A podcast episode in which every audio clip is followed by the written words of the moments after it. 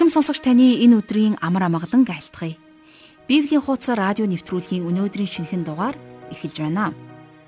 Бид Илч Паулийн итгэгчдэд хандан бичсэн хамгийн чухал загтал болох итгэлийн үндсэн зарчмуудыг агуулсан Ром номыг цувралаар судалж байгаа. Энэ номгүйгээр итгэгч хүний амьдралыг төсөөлшгүй. Ром номноос бид Паул өөрийнхөө бүхэл бүтэн амьдралын туршид тавьсан итгэлийн үндэс суурийг нь бид олж авч байна. Түүний бүхэл бүтэн амьдрал та бидний итгэлийн эхлэл болдгоороо үнэхээр чухал шүү. Тэм ч учраас Ром номын 15 дугаар бүлгийн 18, 19 дугаар ишлэлд ингэж бичсэн байна. Учир нь надаар дамжин Христийн хийсэн зүйлсээс өөр ямар ч юмыг би ярьж зүрхлэхгүй. Ариун сүнсний хүчээр ажилласан тул би Христийн сайн мэдээг бүрэн дэлгэрүүлсэн юм а гэж Паул хэлж байна. За харин бид өнөөдрийн шинэ хичээлдээ орхоос өмнө өнгөрсөн дугаард болж өнгөрсөн үйл явдал чухал хичээлүүдийг товчхон хуваалцъя. Энд бид Илч Паулийн үйлчлэлийн бодлогын голцсон болсон илгээлтийн ажлын талаар ярилцсан. Тэр өөрийнхөө үйлчлэлийг сайн мэдээ хангалттай тунхаглагдаагүй газар руу чиглүүлж, улмаар сонсоогүй харь үндэстэн бүрт хүргэж, тэдэнд Христийг хүлээн авах тэр боломжийг олгосоор байсан. Мөн түүний төлөө бурхнаас залбирсаар байсан. Энэ хүний амьдралын хамгийн үнц зүйл төдийгүй үргэлж сайрахдаг нэгэн бол Есүс Христ байсан. Миний хувьд энэ бүгдийг сонсож зүрх сэтгэлийнхаа гүнд оруулж суухдаа өнөөгийн итгэгч бид яг Паул шиг түүгээр сайрхаж амьдрах хэрэгтэй мэнэ гэсэн хүсэл рүү маш их яарч байлаа.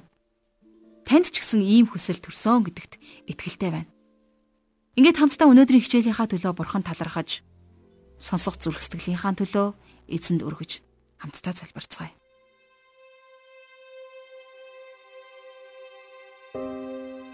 Бүхнээс дээгүүр дээдийн дээд хаадын хаан болсон бурхан аав минь та бидэнд Есүс хүүгээ харамлалгүй өгч харанхуй энэ ертөнцид сайн мэдээг гэрэлтүүлсэнд таньдаа талархаж байна. Эзэн минь ээ бид амьдралынхаа бүхий л хэсэгт таныг таньж мэдэж бусадтай хуваалцахыг хүсэж байна. Та энэ бүгдийн дээр өөрөө байж хүнийг бүрийг гайхамшигтаар удирдан жолоодооч гэж гуйж байна.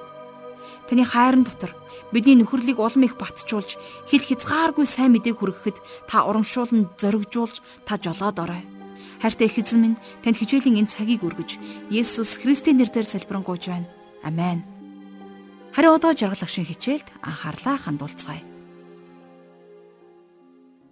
Ром номын төгсгөлийн бүлгүүд дээр Паул өөрийнхөө амьдралын гэрчлэл за мөн итгэлийн тэмцлийнхээ талаар бичсэнийг өнөөдөр үргэлжлүүлэн судлах болно. Паул Иерусалимийн итгэгч нарт хайрын үргэл өөрийнхөө биеэр хүргэж өгөхийг хүсэж байсан. Тэгэхээр одоо яг энэ үйл явдал руу бид ирж байна. За Ром номын 15 дугаар бүлгийн 27 дугаар ишлэлээр өнөөдрийнхөө хичээлийг эхлүүлцгээе. За би уншия. Тийм ээ. Тэд таашаасан нь Иерусалим дахь ариун хүмүүсийн өмнө өртөөх. Хэрв харийнхан тэдний сүнслэг зүйлсийг хуваалцсан бол эд зүйлсээрээ ч бас тэдэнд үйлчлэх өртөө юм а гэж Паул бичсэн байна.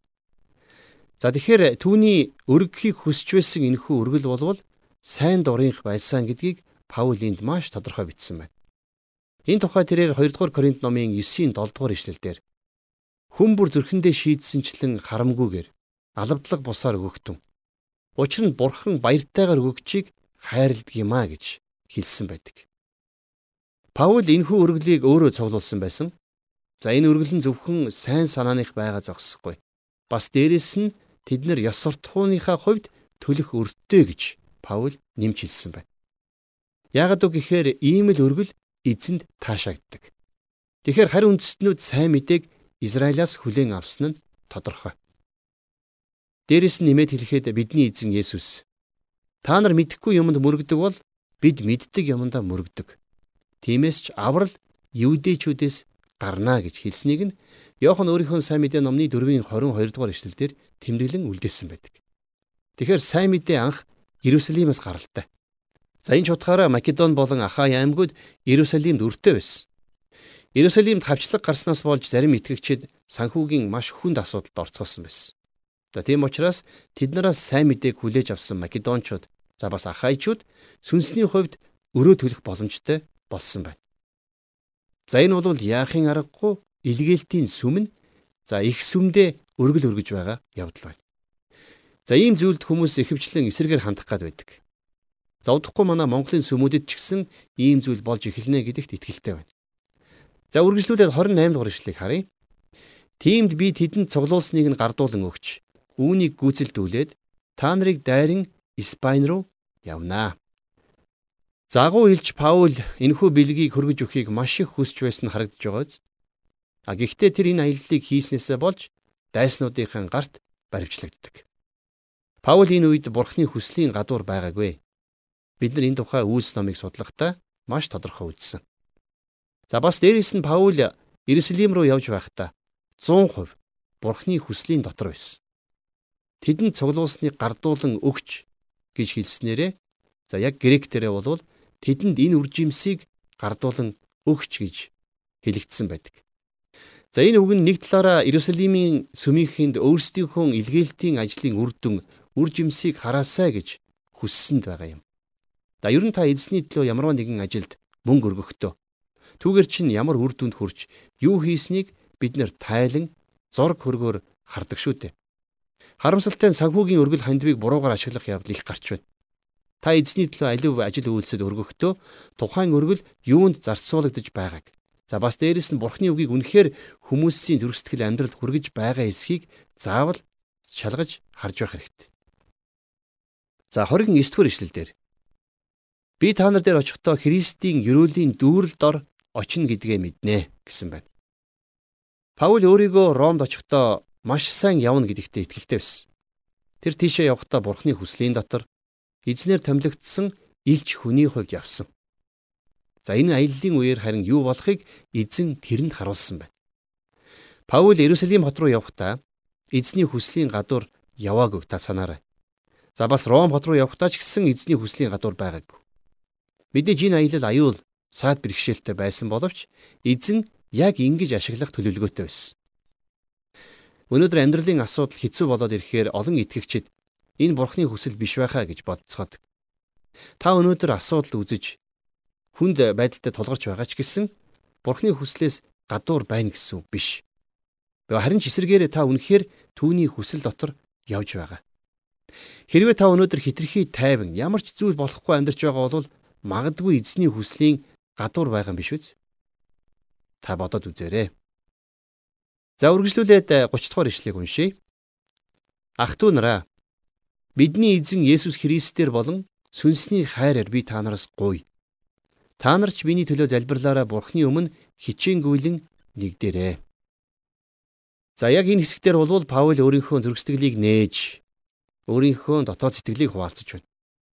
За эндээс бас бид нэр 1-р зуунд байсан итгэгчид яг ямар шуухан байдалтай байсныг нь харж болно.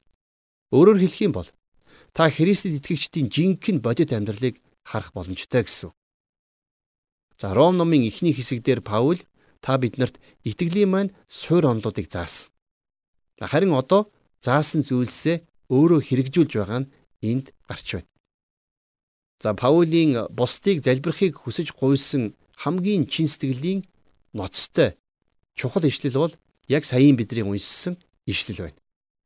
Юу гэж хэлсэн гэхлээр ах トゥ нараа бидний эзэн Есүс Христээр болон сүнсний хайраар би та нараас гуй. Та нарч Миний төлөө залбирлаараа Бурхны өмнө хичээнгүйлэн нэгдэрээ гэсэн байна. Паул өөрийнх нь өмнө аюул занал нүүрлж байгааг сайн мэдэж байсан. Тэрнийг дайснууд нь бүх талаас нь хүрээлж байсан.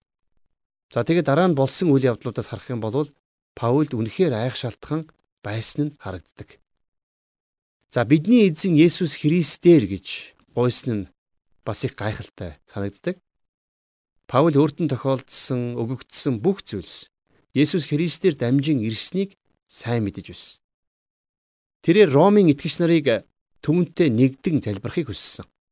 Дээрэс нь тэр би та бүгдийг бидний агуу зуучлан гуйгч Христээр дамжуулан миний өмнөөс Бурханаас гуйгаасай гэж хүсэж байна гэж тодорхой хэлсэн байна. За харин сүнсний хайраар гиснээрээ бүх итгэгчдийг холбодог сүнсний үр жимсийг ярьж байна. Энэ бол Бурхны агапе хайр. Бид нар үнэхээр бие биенийхээ төлөө залбирах ёстой гэж Паул энд захин хэлж байна.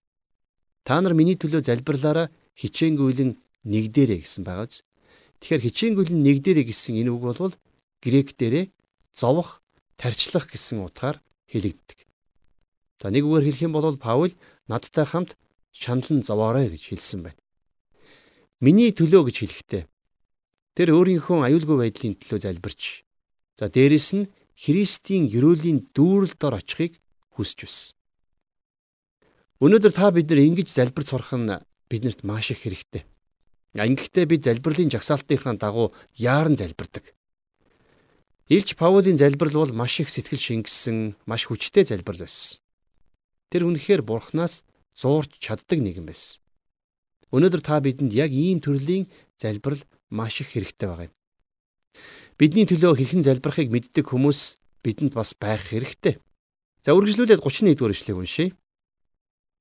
Энэ нь Би Евдэ дэх дуулуургүй хүмүүсээс чөлөөлөгдөн Иерусалим дахь миний үйлчлэл нь ариун хүмүүст зөвшөөрөгдөөсэй гэсних юм аа. За эндээс харах юм бол Паул хоёр зүйлийн талаар залбируулахыг хүсэж байна. За Евдэн итгэдэггүй хүмүүс шашны удирдагчид тэрний амь насыг хороохыг хүсч хүлээж байсан.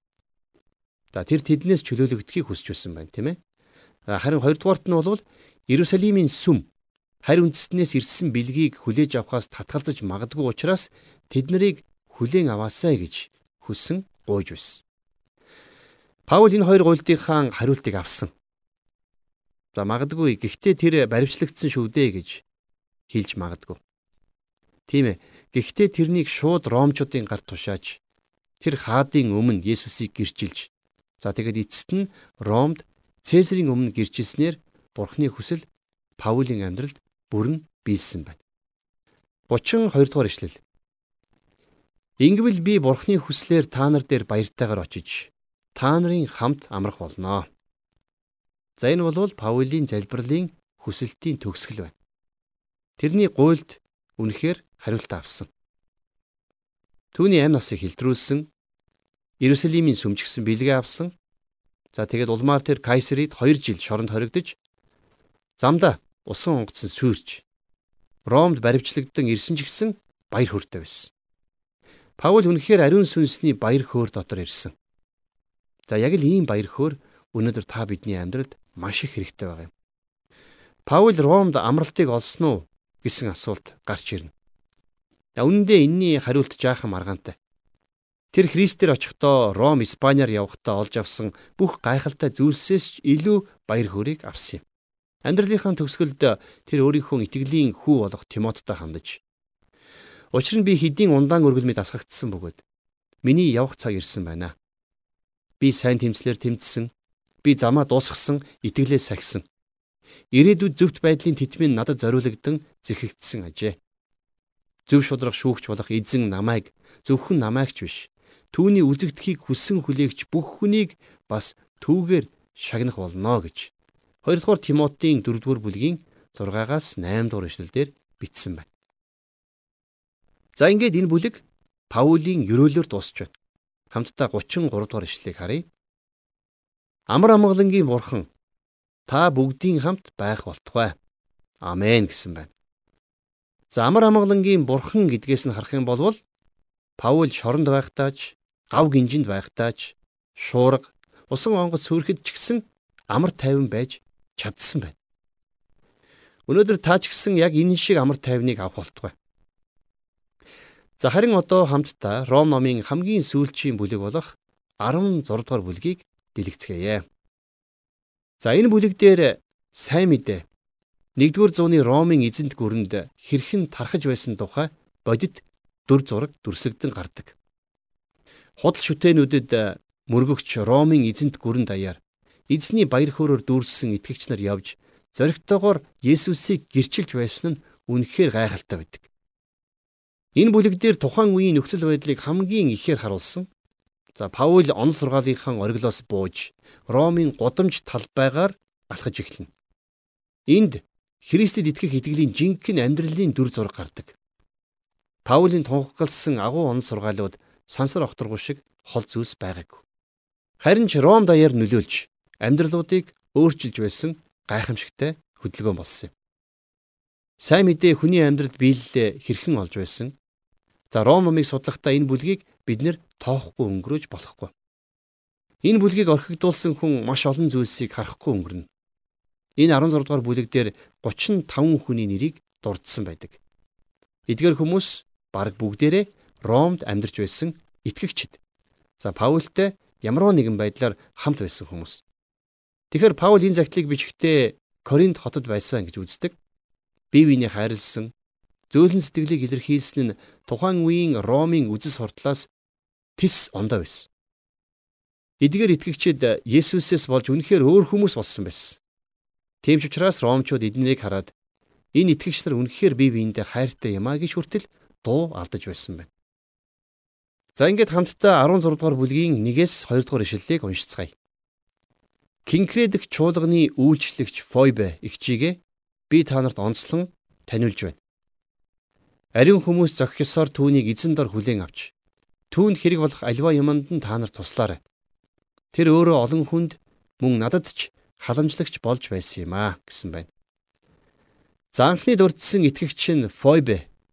Тэр бол яахын аргагүй Паулийн хувьд итгэлийн баатруудын нэг байсан. За энэ нэрнээс нь харахад тэр Израиль хүн биш харин харь үндэстэн байсан. Ромын сүмд маш олон харь үндэстэн байсан гэж бид урд нь ярьж байсан. Тэгэхээр Фойбе гэгч энэ эмэгтэй бол грек бурхтын нэрээр нэрлэгдсэн байсан. Энэ үед олон итгэгч хүн усан баталгаа хийлгэхдээ нэрээ сольдог байсан болвол Фойбе хിവэрэ үлдсэн бололтой. За Ромын загтлыг хүргэж ирсэн хүн бол Фойбе байсан. За тэр нилээд чадварлаг үйлчлэгч эмэгтэй байсан байх магадлалтай. За тэрнийг Кинхридэх чуулганы үйлчлэгч гэж нэрлсэн байгаа. Тэгэхээр Кинхри гэдэг бол Коринт хотын зүүн талд оршдог бомб хот байсан. Тэгэхээр Паул Коринтод байхдаа ромчуудад загтал өчөж За магадгүй бизнес эрхлэгч байсан эмэгтэй Фойбе энийг нь ромчууд руу хүргэж өгсөн байна. Тэр сүвийн үйлчлэгч байсан гэдэг нь ахлагч байсан гэсэн утгатай. Тэгэхээр энэ эмэгтэй нилээд чухал байр суурийг эзэлдэг байсан байна. Эмэгтэйчүүд өнөөдөр ирчүүдийн адил эрхтэйгээр сүмийн үйлчлэлд оролцох ёстой. Эмэгтэйчүүдэд байдаг авьяас бэлэг өнөөдөр сүмд хэрэгтэй. Бурхан үнэхээр эмэгтэй хүмүүсийг ирчүүдээс илүү нарийн мэдрэмжтэйгээр бүтээсэн. Түүнд эр хүнд байхгүй ухаан байдаг. За жишээлх юм бол эмэгтэйчүүд огт танихгүй хүнийг хараад л маш хурдан ажиглаж тэр хүний тухай төрсэн мэдрэмжүүдээ үнэлж чаддаг. Харин эрчүүд бид нар энэ тал дээр таарав. Сүмд эмэгтэй хүний оролцоо өнөөдөр маш чухал байгаа. Тэгэхээр Паул нийтийн тээврээр биш. Энэ эмэгтэйд найдан загтлаа илгээсэн байна. Ром шуудан хөргөх үйлчлэгээтэй байсан. Гэхдээ энэ бол маш удаан байсан. Паул Иерусалим руу буцах гэж байсан харин Фойбе тэрний загтлыг Ромд хүргэж авчирсан байна. За саяын уншсан ишлэлдэр Фойбе ихчигээ би та нарт онцлон таниулж байна гэж Паул бичсэн байсан. Тэгэхээр Паул Фойбег Ромын итгэгчдэд ингэж онцгойлон танилцуулсан байна. За ингэж Фойбе Ром номын төгсгөлийн бүлэг дээр анх удаага дурдгдсан хүн болж таарсан байна.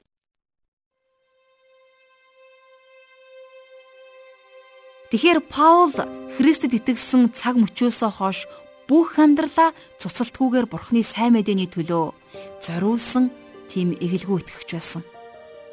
Энэ бол түүний амьдралын цорын ганц хөдөлгөх хүчин байжээ гэдгийг бид өнөөдрийн хичээлээс маш тодорхой харлаа. Тийм ээ энэ хүний хийсэн ажлын үр жимснээс нь бид сайн мэдээг сонссон. Харин өнөөдөр таны амьдралыг хөдөлгөх хүч чухам юу вэ? Бурхны хаанчлал таны амьдралд биелэлээ олж байна уу?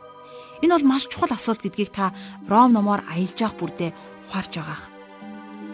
Тэгэхэр мөн л Илч Паулийн бичсэн Филиппой номын 1-р бүлгийн 21-р ишлэлээр уншаад хичээлээ төгсөхийг хүсэж байна.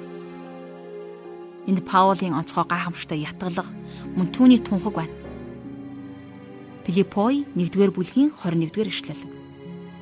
Миний хувьд амьдрах нь Христ, үхэх нь ололт юм а гэж хэлж Тэгэхээр өнөөдрийн хичээлээр итгэгч хүний хувьд хамгийн ихээр анхаарах нэг дүр зургийг Паул бидэнд хэлж өглөө. Энэ бол эзний төлөө ямар нэгэн үйлчлэлд өргөсөн өргөлийн тухай. А ямар ч тохиолдолд та санхүүгийн хандив өргөлийг буруугаар ашиглахаас үргэлж сэрэмжлээрэй. Магадгүй энэ бол Бурхны үгийг хүмүүсийн амьдралд зүрх сэтгэлд хүргэхэд зориулсан чухал хөшүүргийн нэг. Тиймээс эзний хүслээр гадуурх зүйлийг хийхгүй байцгаая. Тэгээд яг энэ цаг мөчид өөрсдийгөө залбирал зориулж чин шударгаар нэг зүйлийг өөрсдөөсөө асууцгаая. Паулийн амьдралын бүхий л хөдөлгөх хүч бол сайн мэдээ, үндэсний аврал байсан. Тэгвэл та бидний амьдралын маань өдөр тутмын энэ амьдралын маань өдөр хоногуудын маань хөдөлгөгч хүч нь яг юу вэ? Яг одоо хамтдаа залбирцгаая.